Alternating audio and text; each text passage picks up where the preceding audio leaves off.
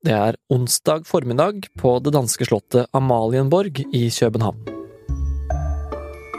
Nå skal Mette Fredriksen, sittende statsminister fra partiet Sosialdemokratiet, snakke med dronningen. Og det er i ferd med å bli et helt uvanlig besøk. For etter en vill valgkamp med en haug nye partier og en thriller av en valgnatt med svingninger i siste liten og avgjørende mandater fra Færøyene og Grønland, har Mette Fredriksen gjort et dundrende godt valg. Sosialdemokratiets beste på 20 år. Og med den seieren i boks og proppfull av selvtillit, marsjerer hun nå inn til dronningen av Danmark for å levere sin oppsigelse. Og så kommer meldingen om at hun kanskje ikke vant likevel. Hva er det som skjer i dansk politikk? Du hører på Forklart fra Aftenposten, og jeg heter David Vekoni. I dag er det torsdag 3. november. Travel dag. Ja, for den var jo Jeg var jo ikke i seng før fire i natt, så det Ja. Ingeborg Mo, journalist i Aftenposten. Du satt oppe natt til onsdag og fulgte valget i Danmark. Nå koker det i dansk politikk, det må vi kunne si. Ja, definitivt. En statsviter jeg snakka med rett før valget, sa liksom hva pokker er det som skjer? Og det er jo fordi at uh, hele det politiske landskapet ser ut til å bli endra. Ja, og valgnatta den ble kanskje mer dramatisk enn mange hadde regna med? Ja, altså vanligvis så er valgresultatet i Danmark uh, klart rundt midnatt. Og det var jo allerede et ganske spennende valgresultat uh, da. Men så eh, viste det seg at eh, mandatfordelinga i Danmark plutselig kunne endre seg fra at ingen av de to blokkene hadde flertall, til at det likevel ble rødt flertall. Og da sto det bare på et par skolekretser i København for å få inn de siste stemmene. Så stemningen på den sosialdemokratiske valgvaken gikk fra lunken til veldig høy på kort tid. Danmark.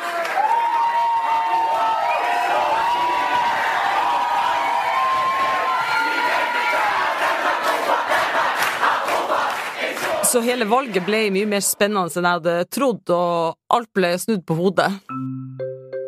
Det er snudd på hodet, hvordan da? Det lå an til at de borgerlige partiene skulle gjøre det veldig godt. Eh, bare for en måneds tid siden så, så lå de veldig godt an på meningsmålingen, men så plutselig skjedde det noen ting. For det første så kom en del nye partier opp som raketter, og eh, de borgerlige, gamle borgerlige partiene gjorde det elendig. Så det snudde opp ned på ting. Og de borgerlige partiene, hvem eh, er det? Ja, Det er jo ganske mange partier etter hvert, men på en måte det som har vært det største borgerlige partiet, er jo Venstre.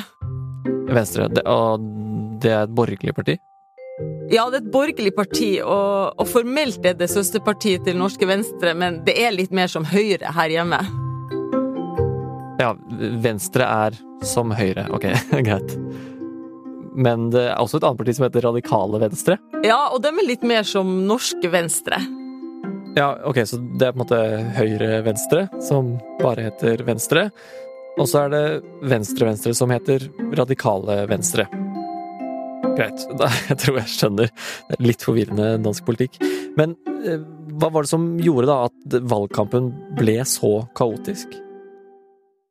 Vi kan kanskje si at det var spesielt to ting. At det ene var at eh, temaene som ble debattert, var litt annet enn forventa. Det var ikke disse granskingene av Mette Fredriksen og regjeringa, og kritikken av henne som litt for uh, maktarrogant og enerådig. Og heller ikke krigen, som er det store bakteppet for alt nå. Men det ble heller kriser i helsevesenet, det var prisstigningen som folk kjenner på lommebøkene sine, og det var klima. Og det andre var at uh, en del kjente profiler uh, fra partiet Venstre har danna egne parti, og, og ble ganske stor, og potensielt kunne få en rolle som en som avgjorde hvem som skulle få regjeringsmakt. Derfor ble det veldig annerledes enn man hadde trodd. Og etter en annerledes valgkamp så kom valgnatta. Det lå an til at ingen av de to etablerte blokkene, den røde eller den blå, ville få flertall. Danmark gikk mot regjeringsforhandlinger og usikkerhet om hvem som skulle styre landet. Men så kom altså disse to skolekretsene i København inn og endret alt. Saken var at uh, litt før midnatt så kom det plutselig en prognose som sa at de røde likevel kunne komme til å få flertall. Og det gjorde jo at det ble veldig mye fokus på de siste desimalene, de siste stemmene som skulle telles opp. Og til slutt så ble det klart at den røde blokka fikk 87 mandater. Og så vet vi at man må ha 90 mandater for å ha flertall i Folketinget. Men da kommer det inn et ekstra element, nemlig at Grønland og Færøyene har to mandater hver. Og man visste at uh, fra Færøyene kom det ett rødt og ett blått, og man trodde at fra Grønland kom det to røde. Og dermed ville rød blokk nå 90 mandater. Men det ble klart først langt utpå morgenen. Ja, for Grønland og Færøyene er også en del av Danmark? Ja, Grønland og, og Færøyene er jo del av det som kalles riksfellesskapet, så de har også folkevalgte i København. Ok, så uh, for å oppsummere litt, så uh, får altså den røde blokka flertall med 90 mandater. Hvem ble på en måte valgets vinner? Man må si at det er Mette Fredriksen som er valgets vinner, for eh, partiet hennes, Sosialdemokratiet, gjorde sitt beste valg på 20 år. Kjære Danmark. Jeg er så umåtelig glad og stolt.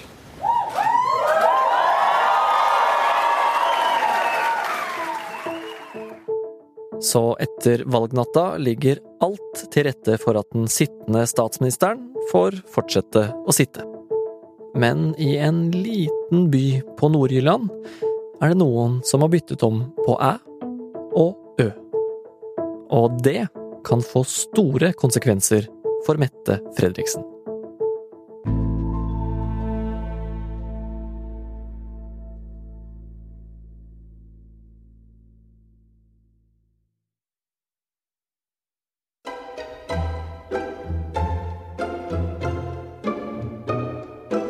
Ingeborg, etter en vill valgkamp også, og en høydramatisk valgnatt der alt ble snudd på hodet, så har altså den røde blokka fått flertall med ett mandat. Ehm, og så, i går, så kom det en beskjed som kunne endre på alt. Igjen. Hva var det som skjedde da? Ja, Det viser seg at i en valgkrets så hadde noen valgfunksjonærer bytta om på noen stemmer. Eh, og det skyldes at i Danmark så um, forkorter man ikke partinavnene sånn som man gjør i Norge, med at Arbeiderpartiet Ap og Høyre H. De får heller en bokstav i alfabetet. Så Danmarksdemokratene, som er et borgerlig parti, de har bokstaven æ. Mens Enhetslisten, som er som rødt, de har ø. Og så hadde man da bytta om på disse stemmene, sånn at uh, den røde blokken fikk uh, rundt 900 stemmer flere enn de skulle. Men det ser ikke ut som det endrer mandatfordelingen. Men det kunne ha endra hele valgresultatet hvis det var nok stemmer som ble bytta om på, da? Ja, for valgresultatet var jo så jevnt. Ja, og den meldinga kom jo eh, samtidig som Mette Fredriksen var på Amalienborg for å informere dronning Margrethe om valgresultatet, og at regjeringa søkte avskjed. Eh, vent litt, hun eh, skulle informere dronningen om, om at regjeringen søkte avskjed? Avskjed. Hun hadde jo vunnet. Hvorfor skulle de søke avskjed? Jo, det er det som er spesielt her, fordi at uh, uh, Mette Fredriksen har sagt at hun ønsker ei brei regjering over midten. Og at hun mener at den regjeringa som hun har i dag, ikke har nok uh, støtte til å kunne fortsette. Etter valget er nå tolv partier representert i Folketinget. Det er historisk høyt. Mer enn noe annet kaller det på samarbeid. Det står også klart, at der ikke længere er et flertal bag regeringen i dens nuværende form. Derfor vil jeg i morgen indgive regjeringens afskedsbegæring til hendes majestæt dronningen. Og så eh, er da tanken at uh, dronningen eller partiene skal peke ut en, en, som skal prøve å danne en ny regjering, og det blir jo sannsynligvis Mette Fredriksen. Og så skal hun prøve å sondere om hun kan få flere partier med i regjering. Ok, Så som sittende statsminister så må hun først uh, nå vinne valget, som hun da egentlig har gjort. Så gå til dronningen og si 'jeg går av, takk for meg'. Og så må dronningen peke ut en ny person, igjen mest sannsynlig Mette Fredriksen, som skal danne en ny regjering. Ja, og det er jo ikke egentlig dronninga som gjør det, det er de andre partilederne som skal peke ut en person som de mener skal gjøre den jobben å være en sånn kongelig sonderer, da. Og den kongelige sondereren blir mest sannsynlig Mette Fredriksen, som skal finne ut om hun kan danne en bred regjering over midten. Hvis et flertall av partiene peker på meg som kongelig undersøger, så vil jeg avsøke om det kan la seg gjøre. For det er det der vil være godt for Danmark. I det hele tatt har hele dette valget handlet om henne. Det ble kalt en folkeavstemning om Mette Fredriksen. Det er nemlig flere hendelser som har gjort folk usikre på om hun kan fortsette å lede landet. Blant annet håndteringen av den såkalte Mink-skandalen. Under koronapandemien så har Mette Fredriksen framstått som en veldig sånn handlekraftig leder, som har innført mange, innførte mange tiltak osv. Og, så og eh, høsten 2020 så fikk de eh, en mistanke om at eh, mink hadde blitt koronasmitta, og at koronasmitta mink kunne ha en variant som kunne være resistent mot vaksine. Så det ble beslutta å slakte ned all mink i Danmark, og minknæringa i Danmark er en av verdens største, så dette var en veldig stor operasjon. Men så viste det seg, egentlig ganske kort tid etter, at de ikke hadde lov til å beordre nedslakting av absolutt all mink, slik de gjorde. Altså, Mette Fredriksen mener at det var riktig å gjøre, men hun hadde altså ikke det formelle i orden, og det ble en stor gransking som satte flombelysning på hvordan regjeringsapparatet til Mette Fredriksen fungerte, og der kom de ikke så godt ut, så hun fikk veldig mye kritikk, og den kom i sommer. Og i tillegg til hele den mink-skandalen, så var det jo eh, også en litt spesiell situasjon som vi, mange kanskje husker, med den danske spionsjefen, hvor han da ble tiltalt for å ha lekket statshemmeligheter. Eh, Ingeborg, hvordan har det påvirket eh, Mette Fredriksen som statsminister? Denne etterretningsskandalen er egentlig ganske komplisert affære. Men eh, nå i, midt i valgkampen så kom Lars Finsen, som tidligere var sjef for Forsvarets etterretningstjeneste, men som nå er tiltalt for å skulle lekka statshemmeligheter. Han kom med ei bok med sin versjon av saken. Og der mer enn antyder han at han har vært utsatt for et maktspill. Og det rammer jo også Mette Fredriksens regjering. Ok, Og hvordan har hun da kommet seg fra det, alle disse skandalene og den liksom, folkeavstemninga, til å lede partiet sitt til det beste valget på 20 år? Ja, det vil nok eh, analytikere og kommentatorer komme nærmere inn på, men eh, hun har i hvert fall vært en veldig tydelig leder. Eh, så selv om hun har fått en del kritikk. Og i valgkampen så gjorde hun jo en ny vri og sa at hun ville ha en regjering over midten, og for å prøve å framstå som samlende. Og så kom hun jo med et utspill i valgkampen om å øke lønningen til en del offentlig ansatte, og det kan jo tenkes at det har slått an. Og så kan det kanskje ha betydning også at det var veldig mange små partier på borgerlig side, at hun kanskje framsto som en tydeligere leder.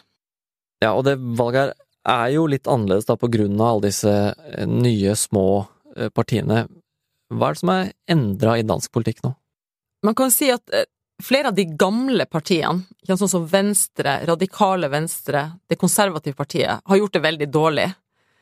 Og så har du fått nye partier, som Moderaterne og Danmarksdemokratene, som kommet inn som raketter i, eh, i det danske folketinget. Og så har du et parti som Dansk Folkeparti, som er kjent i Norge i hvert fall for at de er en veldig sånn innvandringskritisk parti. Den var det største partiet på borgerlig side i 2015, og nå så jubla de over at de klarte å komme over sperregrensa.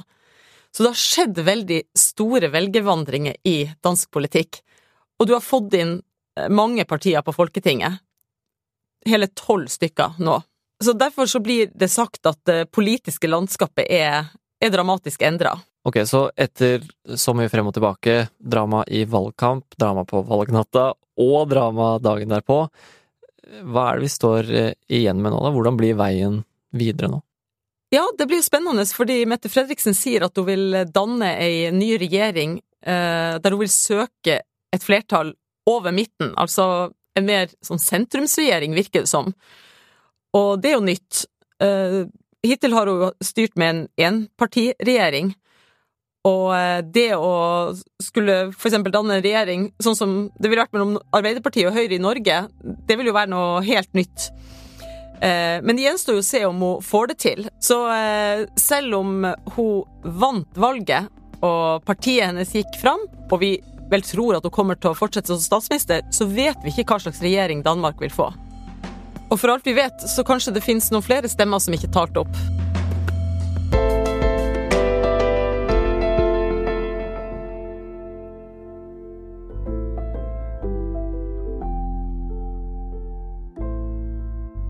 Du har hørt en podkast fra Aftenposten. Det var Ingeborg Mo som har gått hjem og lagt seg etter å ha fortalt om kaoset i dansk politikk. Lyden du har hørt er fra dansk TV 2, DR, NRK og nyhetsbyrået AP. Denne episoden her er laget av producer Jenny Førland og vert David Okoni, som er meg, eller programledere. Resten av Forklart er Fride Næss Nonstad, Marit Eriksdatter Gjelland, Synne Søhol, Anne Lindholm og Anders Weberg.